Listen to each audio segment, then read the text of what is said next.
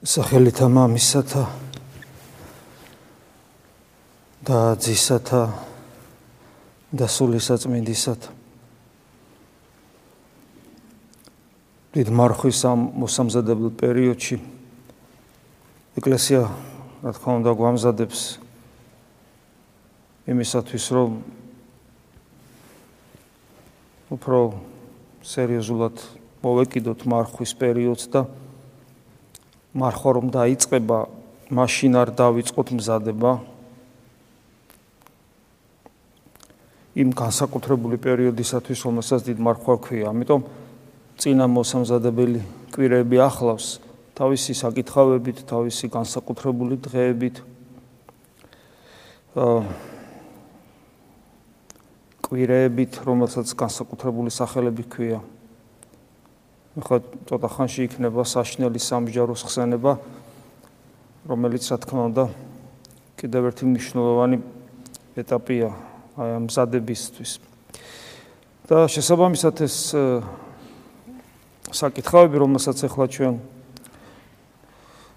რომელთაც გვამზადებს ეკლესია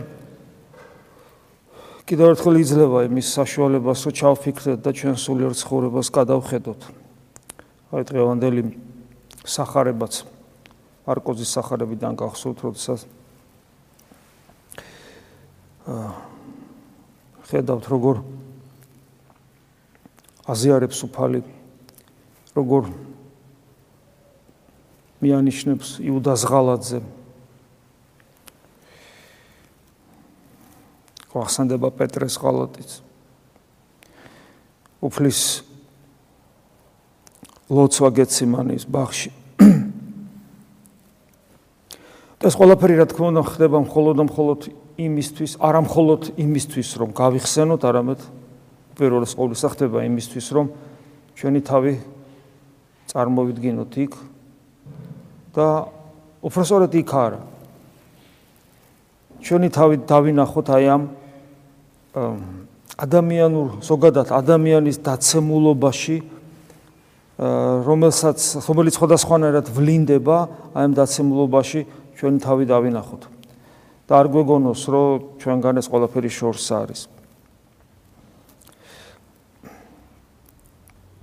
როდესაც უფალი კითხვას სვავს რომ ერთი თქვენგანი მიმცემს მე და გახსოვთ იქ მოციქულებს შორის როგორი უცნაურია. ხო აი რა საინტერესოა? ერთი თქვენგანი მე მიღალატებს და ვინ ვინ უთუმე ნუთუმე აი რა უცნაურია, რატომ არის უცნაური? იმიტომ რომ ჩვენ გონია ხოლმე რომ ჩვენ ჩვენ თავზე ვიცით ყველაფერი. ჩვენ ვიცით რომ უფალს არ უღალატებთ, რას ლაპარაკობ, კაცო, ჩვენ ხო მაგრები ვართ, ჩვენ ვიცით.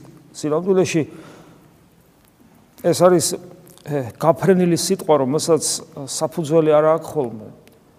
აი როგორც პეტრე ამბობს მე რომ არა კაცო, მე მე ყველამ რო ისა მე როგორ და მე რასაკეთებს. ანუ აი ეს სიტყვა რომ ი რაღაც მომენტში მოციქულები სწორად იქცევიან. ნუ ნუ თუმე, ნუ თუმე, ყველა საკუთარ თავს ჩაიხედა. ეს აი ეს ახალი აღთქმისეული, ახალი აღთქმის ადამიანის მდგომარეობა აქვს ამ დროს ადამიანებს მოციქულებს შიგნით იყურებიან საკუთარ თავში. მათ არ უღალატია თუფლისათვის ესე ხო? მაგრამ აი შიგნით ნუ თუმე ნუ თუმე ანუ ხედავენ რაღაცა რაღაცა საკუთარ თავში ისეც რომელიც ამის შესაძლებლობას იძლევა აი ამ ცოდვის ჩადენის. ხო და აი ეს ეს კითხვა ნუ თუმე. ნიშნავს და ჩვენთვის დაიწერა ხო? ჩვენთვის დაიწერა და ჩვენთვის ჩვენ რო გვაქვს ეს ეს კადნიერება ხშირად რომ არა კაცო არა როგორ წაღანაც გითხარით მე არა, მე მე მორწმუნე ვარ. თვითონ ეს სიტყვაც მე მორწმუნე ვარ. მე უფლის ერთგული ვარ, მე ეკლესიის ერთგული ვარ. მე მიყვარს ღმერთი. ეს ძალიან ხმამაღალი განაცხადებია, ხმამაღალი. როცა ადამიანი აი ამას, აი ესე ამბობს უაპელაციოდ, კადნიერად, დარწმუნებული ამ ადამიანს სინანული არ აქვს. მან არის ის არის ცნობს საკუთარ თავს. მან არის ის საკუთარი მდგომარეობა, წარმოდგენაც არ აქვს. შესაბამისად, ადამიანს არ აქვს სიმდაბლე. და ადამიანს როცა არ აქვს სიმდაბლე, ის უკვე იუდაც არის, მოღალატე პეტრეც არის. და რა ვიცი, ყველაფერი რაც შეიძლება ცუდი ფიქროს ეს არის. იმიტომ რომ სინდაბლის არარსებობა ჩვენში ნიშნავს, რომ ჩვენ ქრისტესთან არანაირი კავშირი არ აქვს. ძალიან შორს ვართ. საერთოდ არ ვიცნობთ ჩვენ უფალს. იმიტომ რომ დაბალი ადამიანი ვერასოდეს ვერ ყო. მე ისე მიყვარს, მე როგორ სხვა მოუღალატოს, მე როგორ პეტრეს პეტრეს ჯერ კიდე ეპატიებოდა. პეტრე ახალი აღთქმის ადამიანი, აი ახალი აღთქმაში შემაბიჯებელი ადამიანია. ჯერ ჯერ ეკლესია არ დაარსებულა. ეკლესია ახალი აღთქმის ეკლესიას გულისხმობ, რომელიც სული თორე ეკლესია უკვე არის. საფრთხოკრებულია, რა თქმა უნდა, მაგრამ აი ეს ახალი აღთქმის ეკლესია, როცა სულიწმინდა გარდამოვა და შესაძ მათი შიდა ცხოვრება დაიწყება, ჯერ ეს პერიოდი არ დამდგარა. ხოლო ჩვენ რომლებსაც ღმერთი შიგნით ყავს და საძიებელი არსად არ აგვაქვს, თუ ახალი აღთქმის ადამიანები ვართ, ჩვენ ძალიან დიდი პასუხისგებლობის წინაშე ვართ. როგორც პავლე მოციქული ამბობს ერთ ადგილას, თქვენ უკვე სხვების მოძღვრები უნდა ყოფილიყავით და ჯერ კიდევ ისე ისე ვრძით იყვებებით. აი ამ კითხვას პავლე მოციქული ჩვენ ყოველას გვიცვავს. ჩვენ რამდენი ხანი ეკლესიაში ვართ, სხვების მოძღვრები უნდა ყოფილიყავით და ისე ისე ვრძე გჭირდება, ისე არ შეგვიძლია მყარი საყლობის მიღება. ერთ-ერთი მიზეზი, რომ ამ მდგომარეობაში ვართ, ეს არის ზუსტად საკუთარი თავის ვერ დანახვა და სიმდაბლის შესაბამისად არარსებობა ან დეფიციტი ჩვენში არაადეკვატური აღქმა საკუთარი თავისა შესაბამისად სინანულის არ ქონა და სწორედ ამიტომ არის რომ აი ესეთი საკითხავები ჩვენ გვაფხიზლებს. და როდესაც ამბობენ მოწაფეები რომ ნუ თუ მე გიღალატებ ნუ თუ მე ეს რა თქმა უნდა ჩვენ საკუთარ თავს უნდა განვუკუთვნოთ და არათუ კითხვა დავსვათ, ნუ თუ მე უნდა შემილია უღალატო უფალს, არამედ გავიხსენოთ ის უამრავი მაგალითი და შემთხვევა, როცა ჩვენ უფალს ვღალატობთ ჩვენს ყოველდღიურობაში. აუცილებელი არ არის ეს გარეთ რაღაცა მოხდეს და მე ჩვენმა ქმედებამ ვიზუალიზაცია მოახდინოს ქრისტეს ჯვარცმისა. ეს ყველაფერი შიგნით ხდება. შიგნით, რამდენჯერ ყოფილა რომ ჩვენ ჩვენი სულ მოკლეობით ქრისტეზე ვარს ვამბობთ. აი, შემთხვევითი არ არის დღევანდელი საკითხავი სამოციქულო იონე მოციქულის რომელიც დღევანდელს სახარებასთან უნისონშია ძმათ მოყარებას ეხება. გახსოვთ როგორ ამბობს? მე ესე იგი თუ ძმა მიყვარს ეს ნიშნავს რომ მე უკვე ახალ სიცოცხლეში ვარ შესული. გარდაცვლილი ვარ ახალ სიცოცხლეში და თუ ეს ძმა არ მიყვარს ესე იგი მე ჯერ ახალ სიცოცხლეში შესული არა ვარ. ანუ ეს ყველაფერი გარეგნული გარეგნული გარეგნულია მხოლოდ და შინაგანია ჯერ არ დამდგარა და აი ეს ურთიერთობებში, ურთიერთობებში გამოვლინდება ჩვენი ქრისტიანობა, ურთიერთობებში. ყველაფერი შიგნით ხდება, მაგრამ ვლინდება ურთიერთობებში. როგორ ღალატობთ უფას, როგორ უფლის მოსაწონად რომ არ ვიქცევით და ასე შემდეგ. ამიტომ ჩვენი უფლისადმი აი ეს ღალატი კითხვაც აღარ არის დასასმელი. ნუ თუ მე, დიახ მე, როგორ არა, მე ყოველ წამს, აი გუშინაც, იმის წინაც და აი დღესაც და დღე გათენდა და დღესაც უამრ უამრავ ჯელ მომიწევს უფლის ღალატი. უამრავ ჯელ. და მადლობა ღმერთს თუ დავინახავ ამას და შევინანებ, მადლობა ღმერთს.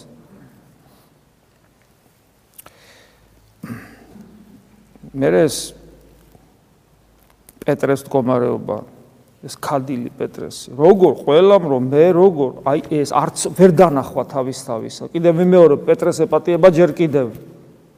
და პეტრე აი ამ ტვირთს აი ამ უფლის უარყოფის ტვირთს თავის თავზე იყიდებს შეიძლება ასე ითქვას იმის გამო რომ მე ჩვენ გვახსოვდეს რომ თუ პეტრეს დაემართა ეს ადამიანს რომელსაც როგორ უყვარდა ქრისტე. და მისი ერთ-ერთი პირველი მოწაფეთაგანი იყო მე როგორ უნდა ამომივიდე სპირიდან და როგორ უნდა თქვა რომ არა კაცო მე ეს არა. და არა თუ არა არამედ შიგნით მუდმივად ხდება ეს პროცესი. მუდმივად.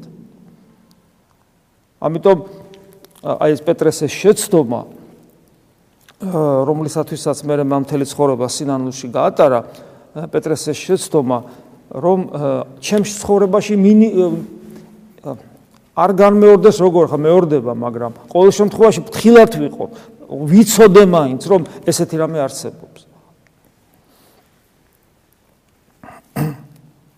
მე უფალს უჭირს და მოციქულები ამას ვერ ხვდებიან. ჩვენ ხშირად ვამბობთ ხოლმე, რომ ჩვენ რადგან ღმერთი ადამიანად მოვიდა, ამიტომ ჩვენ უფალს ორი ტიპის ერთგულებას უცხადებთ. ერთი ერთგულებას როგორც ღმერთს, რა რამე თუ მასთან კომუნიკაციას ვცდილობთ, რასაც ლოცვა ქვია.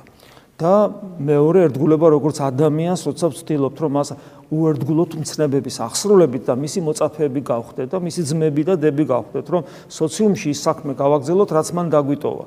წარვედი და მოიმოწაფენით, ხო? იყავით ნათელი ამასოფლისა, იყავით მარილი ამასოფლისა, ვინც თქვენ მიმიღებს, მე მიმიღებს, ვინც თქვენ უარყოფს, მე უარყოფს და ასე შემდეგ. ანუ ჩვენ მისი საქმე უნდა გავაგზავნოთ. და ამით მივბაძოთ და მივემსგავსოთ და მისგან ვისწავლოთ. და ეს ორი ტიპის სახურება და დაგვავიწყდეს რომ უფალია მაგალითად როგორ ამბობს რომ ფშიოდა და არ მეცის ჭამადი მწყუროდა და არ მასუთმე ამტყოფი იყო და ანუ ადამიანის სადმი დამოკიდებულება. დამოკიდებულებით რო განისაზღვრება ქრისტესადმი დამოკიდებულება და კიდევ ერთი ძალიან მნიშვნელოვანი ნიუანსი როგორც სიმონ ახალი ღვთისმოწყალე ამბობს მშიოდა და ანუ უფალს რო უფალს რო როგორც ადამიანს რო ეხმარები ამაში ეს ორი მხარეა, რა თქმა უნდა, სოციალური მხარეც არის, მაგრამ არის კიდევ უფრო მისტიკური მხარე. მისტიკური მხარე და ამას სახარებაზე ამაზე ჩვენ ბერჯელ გვისაუბრია, რომ ესე იგი თუ რა არის უფლის დაპურება. უფლის დაპურება, რომ ეს არის ადამიანებს, ადამიანებს ზეციური პურის მიღების შესაძლებლობა მისცე. ზეციური პიპურის სამარიტელთან საუბარში სამარიტელ დედაკასთან საუბარში ეს კარგად ჩანს ამაზე ჩვენ ბერჯილ გვისაუბრია ახლა არ შევეხები მაგრამ ეს ეს ძალიან მნიშვნელოვანია რომ გვახსოვდეს რომ ესე იგი ადამიანები დააპურო ზეციური პურით ადამიანებს ან უგეშო ზეციური თვალსაზრისით ანუ სასუფეველთ სასუფევლის ძიებაში დაეხმარო ადამიანს, სასუფევლის კარებთან მისვლაში დაეხმარო ადამიანს, ეს არის ქრისტეზე ზრუნვა როგორც ადამიანზე. მას ეს შია და ეს წყურია. მისი მისი საზრდელია აღასროლოს ზეციური მამის ნება და ზეციური მამის ნება არის ყველა ადამიანი მიყვანილი იქნა სასუფეველში. ხო და აი ეს ზრუნვა უფალზე როგორც ადამიანზე რომ განხორციელდეს ჩვენ არ უნდა გვეძინოს და აი მოციქულებს ეძინებათ. ვერ ახერხებენ სიფხიზლეს და ჩვენც გვძინავს ძალიან ხშირ შემთხვევაში. ჩვენი ცხოვრება აი ამ ძილში გადის. ფიზიკურ ძილზე ხომ არ არის აქ საუბარი? ხო ხვდებით აქ ამ შემთხვევაში მოციქულთა შემთხვევაში ფიზიკური ძილია მაგრამ ეს უნდა განზოგადდეს ჩვენ გაგვირბის ჩვენი ცხოვრება. აი, უფა მოციქულებმა ძალიან მნიშვნელოვანი მომენტი გამოტოვეს თავის ცხოვრებაში. უფალი კი რაღაც მომენტში დაინახეს, მაგრამ ვერ უძლებენ ამას, ეს არ ვიცი, ნერვული სტრესია, გადაღლილობა, ხორცი უძლურია ფაქტიურად, მე უფალი მათ ეუნება და სული გულმოდგინა, ანუ ხორცი ყოველთვის ზარმაცია. ხორცს თუ მივშევ, ყოველთვის ცხოველია და ეს ცხოველი იძინებს. აი, თითქოს იმ რეალობას, იმ ობიექტურ სინამდვილეს, რაც ხდება სამყაროში, რომ რა ხდება სამყაროში, რომ ესე იგი სამყარო დუჟმორეული უარყოფს ქრისტეს. აი ეს ხდება სამყაროში და აი ეს ვერ ვერ ვერ ვერ გუობს ღმერთ სამყარო. და აი ამისგან ამისგან რაღაცა თავის არიდება. თითქოს ეს არ ხდება, თითქოს თითქოს ეს მე არ მეხება. და ეს სამყარო ხო განყენებული არ არის ჩემგან, მე სხვა სამყაროს ნაწილი ვარ და სამყარო ჩემში შემოდის. ანუ მე ჩემი ჩემი დაცემული ბუნებით უარმყოფელი რო ვარ ამ ყოველივესი.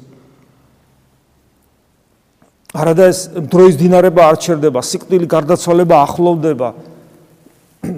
ყოველი წამი მე ამ წამებს ძალიან ისევ კარგავ, ხო?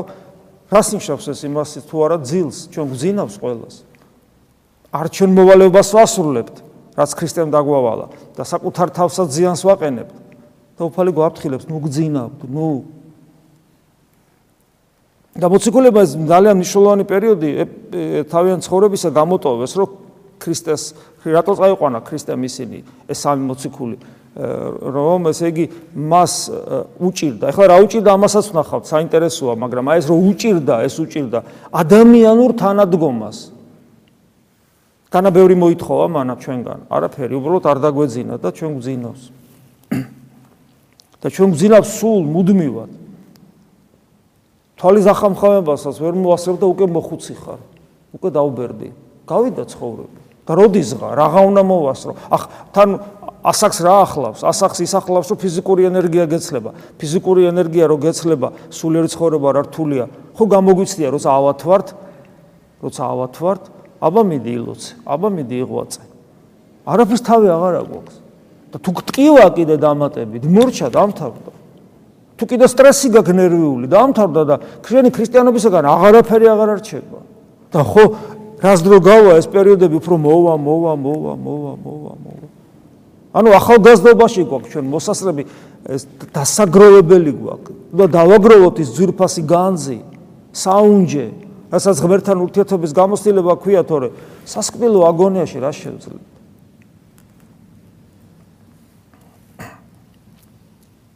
რა შეიძლება უფლის ტკივილს, აი დღეს წავიკითხეთ, რომ ნუ იქნება ნება ჩემიო. არა, ნუ არა, ნუ მე როგორც მინდა ეგრე არაო. ანუ მე ხო გეციმანის ბახში რო ლოცულობს, რომ შენ შეგიძლია რომ ამარიდო ეს სასმისი, მაგრამ მე როგორც მინდა ეგრე არა, ანუ როგორც შეგნებავს. ეს საოცარია. მე როგორც მნებავს რას ნიშნავს? ვინ ამბობს ამას? ვინ ამბობს მე როგორც მნებავს ეგრე არა? ამას ამბობს ძე ღმერთი სამყაროს შემოქმედი.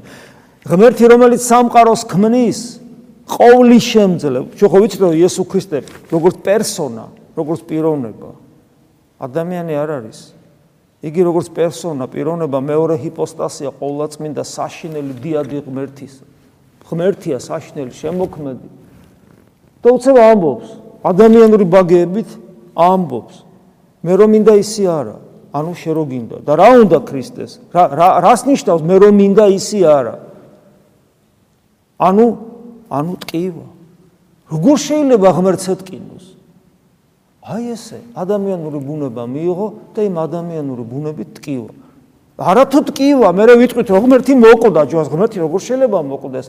ადამიანური ბუნებით მოკვდა, მაგრამ რას ნიშნავს ადამიანური ბუნება მისი პიროვნებისაგან?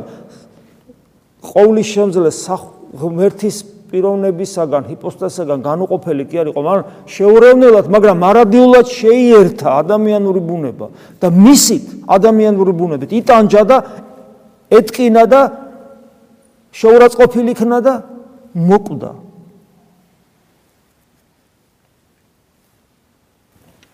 აი ეს არის, ეს არის რეალობა. ეს არის რეალობა და ეს ნიშნავს იმას, რომ ჩვენი რწმენა აი ამ ჩვენი გონებისათვის მიუწვდომელ და თავზარდამცემ თავზარდამცემ მოვლენას გვიშლის წინ. რა ვიცი, აი რა რა დავარქვა, არ ვიცი, ღმერთი, ღმერთი რომელიც აი დიადი ღმერთი სამყარო შემოქმედი ღმერთი მე რომ მინდა ეგრე არა და რა უნდოდა? ესე იგი არ მეტკინოსო, წარმოგიდგენია? და ეს ტკენა ეს ტკენა საიდან ქონდა მას? ვინ ატკინა? ვინ? და აი ახაც ეს ეს ეს ეს სიღრმე უნდა გქონდეს ჩვენ ქრისტიანებს და ჩვენ შეგვიძლოს გვეთქვას, რომ აი მე ვატკინე, მე რომ მიცოდავს ქვეყნის და სამწუხაროდ სამწუხაროდ ჯერ კიდევ ვერ შევწყვეთ ცოდვების ჩადენას, აი მე ვტკე. მას, ვინც ეს სამყარო შექმნა, იმიტომ რომ და თან ისე ვტკე, რომ არ მინდა მეტყინოს მამას ეუბნება. არ მინდა. დიალოგში ყოვლადწმინდა სამების წევრებს შორის როგორ დიალოგია წარმოგიდგენია მაგრამ არა მე როგორც მინდა არა. მე როგორც მინდა არა. მე მე მინდა რომ არ მეტყინოს მაგრამ მე როგორც მინდა არა. შე როგორც გინდა ის. აი ეს რეალობა დიახაც ეს ღმერთის ესე ამგვარად დამცირებულ მდგომარეობაში წარმოჩენა ზოგადად რელიგიური ადამიანისათვის შოკის მომგვრელი. ამიტომ ვერც იუდეველები და ვერც ვერც მუსულმანები ამას ვერ ეგუებიან. მათთვის ეს წარმოუდგენელია, შოკის მომგვრელია. იუდეველებსაც და მუსულმანებსაც ხო ღმერთის სადმი დამოკიდებულება აქვს, როგორც აქვს, სწორა სწორი დამოკიდებულება აქვს მათ რა, რომ ღმერთი ყოვლის დიადი, ყოვლის შემძლე, ნუ იუდეველები ღმერთის სახელს წესერა და მუსულმანებიც კრძალვით და როგორ ხო აი და უცებ ჩვენ ვამბობთ ქრისტიანები რომ აი ის ვის წინაშე წეს იუდეველების და მუსულმანების ეს ყძალვით განან და ესე იგი როცა მის სახელს ახსენებენ დიდები და გძალვით ახსენებენ უცებ ჩვენ ვამბობთ რომ აი ზუსტად ის ღმერთი. ამბობს რომ მე არ მინდა მეტკინოს. მაგრამ კარგი კარგი მეტკინოს რა თქმა უნდა ისინი შოქში ვარდებიან და ჩვენ რატომ არ ვარდებით შოკში? რატომ რატომ რატომ ვიღებთ ესე იოლად აი ამ რეალობას? რატომ რატომ გულარხენად ვაგრძელებთ ცხოვრებას ვითომ სულიერს? შემაძრწუნებელი, აი ხო თეორიულად მაინც ახლა გასაგები ხომ არის, რატომ ტიროდნენ წმინდა მამები ლიტურგიის დროს? რატომ ტიროდნენ? სატირელი არ არის აბა რა არის? ეს ხო შემაძრწუნებელი. ესე იგი ხო ლოგიკურად ხო რაღაცა რაღაცა ჩვენში უნდა აიჭრას წესით. ხო უნდა ხო უნდა შევზარზარდეთ რომ ის რაც რელიგიური ადამიანისათვის სავსებით კანონზომიერად, ვისაც ღმერთის არსებობის ჯერა და მისი სიდიადის წინაშე კრთის რელიგიური ადამიანი ხო ესეთია? იმისთვის ხო შემაძრწუნებელია და საერთოდ არს მიიღებს და შეიძლება მართლა მოხკალას როცა ამას ეუნები რომ იცი რა აი ზუსტად იმ ღმერთს ეთკინა და არ მინდა მეთკინოსო ეს ამას როგორ დაიტევს ამას. და მე მესმის მათი ლოგიკურად მაგრამ მე როგორ ვიტევ ამას და გულარხენად ვაგზელებ ქრისტიანობას და ქრისტიანი ვარო ვიცახი აი ეს ეს კიდე უფრო გასაკვირი მგონია ხო და ამიტომ ეკლესია ცდილობს რომ დიდმარხვის პერიოდში რო შევდივართ კიდევ ერთხელ გავიაზროთ რომ დიდმარხვის პერიოდს რა მოყვება? დიდმარხვის პერიოდს მოყვება ვნების შვიდეული სადაც თელი ეს დიდმარხვა ხო სინანულის მარხვა და მე ის ვნების შვიდეული არის განსაკუთრებულად კონცენტრირება სინანულისა იმიტომ რომ აი საშინელება რასაც ღმერთი რო ამბობს რომ მე არ მინდა რომ ეთკინოს მაგრამ აი როგორც შენ გინდა ეგრე იყოს აი ეს საშინელება ღმერთს მე დავმართა ჩემი ცოდვებით კაცობრიომამ კი არა და ადამმა კი არა, აი მე რომ მიწოდავს და მე ხო ვიცი რეები მიწოდავს და მე ხო ვიცი რომ ჯერ ვერ ვჩერდები ეს უბედური და ამიტომ მე მე მე მე ვტკენ მას და მე დავმართე ეს და ღმერთის სიყვარული როგორია რომ აი იმის გამო რომ მე მიმკურნალოს და მისნაირი ღმერთისნაირი გამხადოს მარადიული ბედნიერი თავის სიცოცხლე მომიძღვნას, მაჩუქოს, იმისათვის რომ ეს ყველა ძმა მიწოდოს. ხო, ასაცილო. აი ეს ყველაფერი რომ გააკეთოს, აი ესე ამგვარად დაიმდაბლა თავი რომ ეგების, ეგების. ეს ჩემი ცოდვილი გული ცოტათი მოლბეს და ცოტათი თავი დახაროს და ეს დემონური სიამაყე და ამპარტავნება უარყოს. და აი ამ აი ამ ტკივილის უფრო ღმერთის აი ამ დამცირების, ანუ კენოზისისა და ტკივილის მერე მაინც თავის თავს არ მისეს იმის უფლება, რომ მას არ უერთგულოს. და ისწავლოს სიყვარული, სიყვარული ხო ეს თუ ვერ დაინახე რა სიყვარულზეა ლაპარაკი. აი ესეა და ამიტომ ეკლესია დღესაც ასე ცდილობს, რომ კიდევ ერთხელ შეგვა ჯანჯღაროს და გამოგვაფხიზლოს. მე არ ვიცი ჩვენ რამდენად შევჯანჯღარდები და გამოფხიზლდებით, მაგრამ ჩვენ უნდა ვეცადოთ და მადლობა უთხრათ დედა ეკლესიას იმისათვის, რომ ასე ზრუნავს, იმისათვის, რომ ჩვენ ადამიანებად გვაქციოს. იმიტომ რომ ადამიანობა ნიშნავს გავდე ქრისტეს, ხონერი ადამიანობა უბრალოდ არ არსებობს. ხდაი ცდილობს, რომ მიგვამსგავსოს მას. შეგვეციოს უფალი ამინ. მადლი უფლისა ჩვენისა იესო ქრისტეს და სიყვარული ღვთისა და მამისა და ზიარება სულისა წმინდისა იყოს თქვენ ყოველთა თანა. ამინ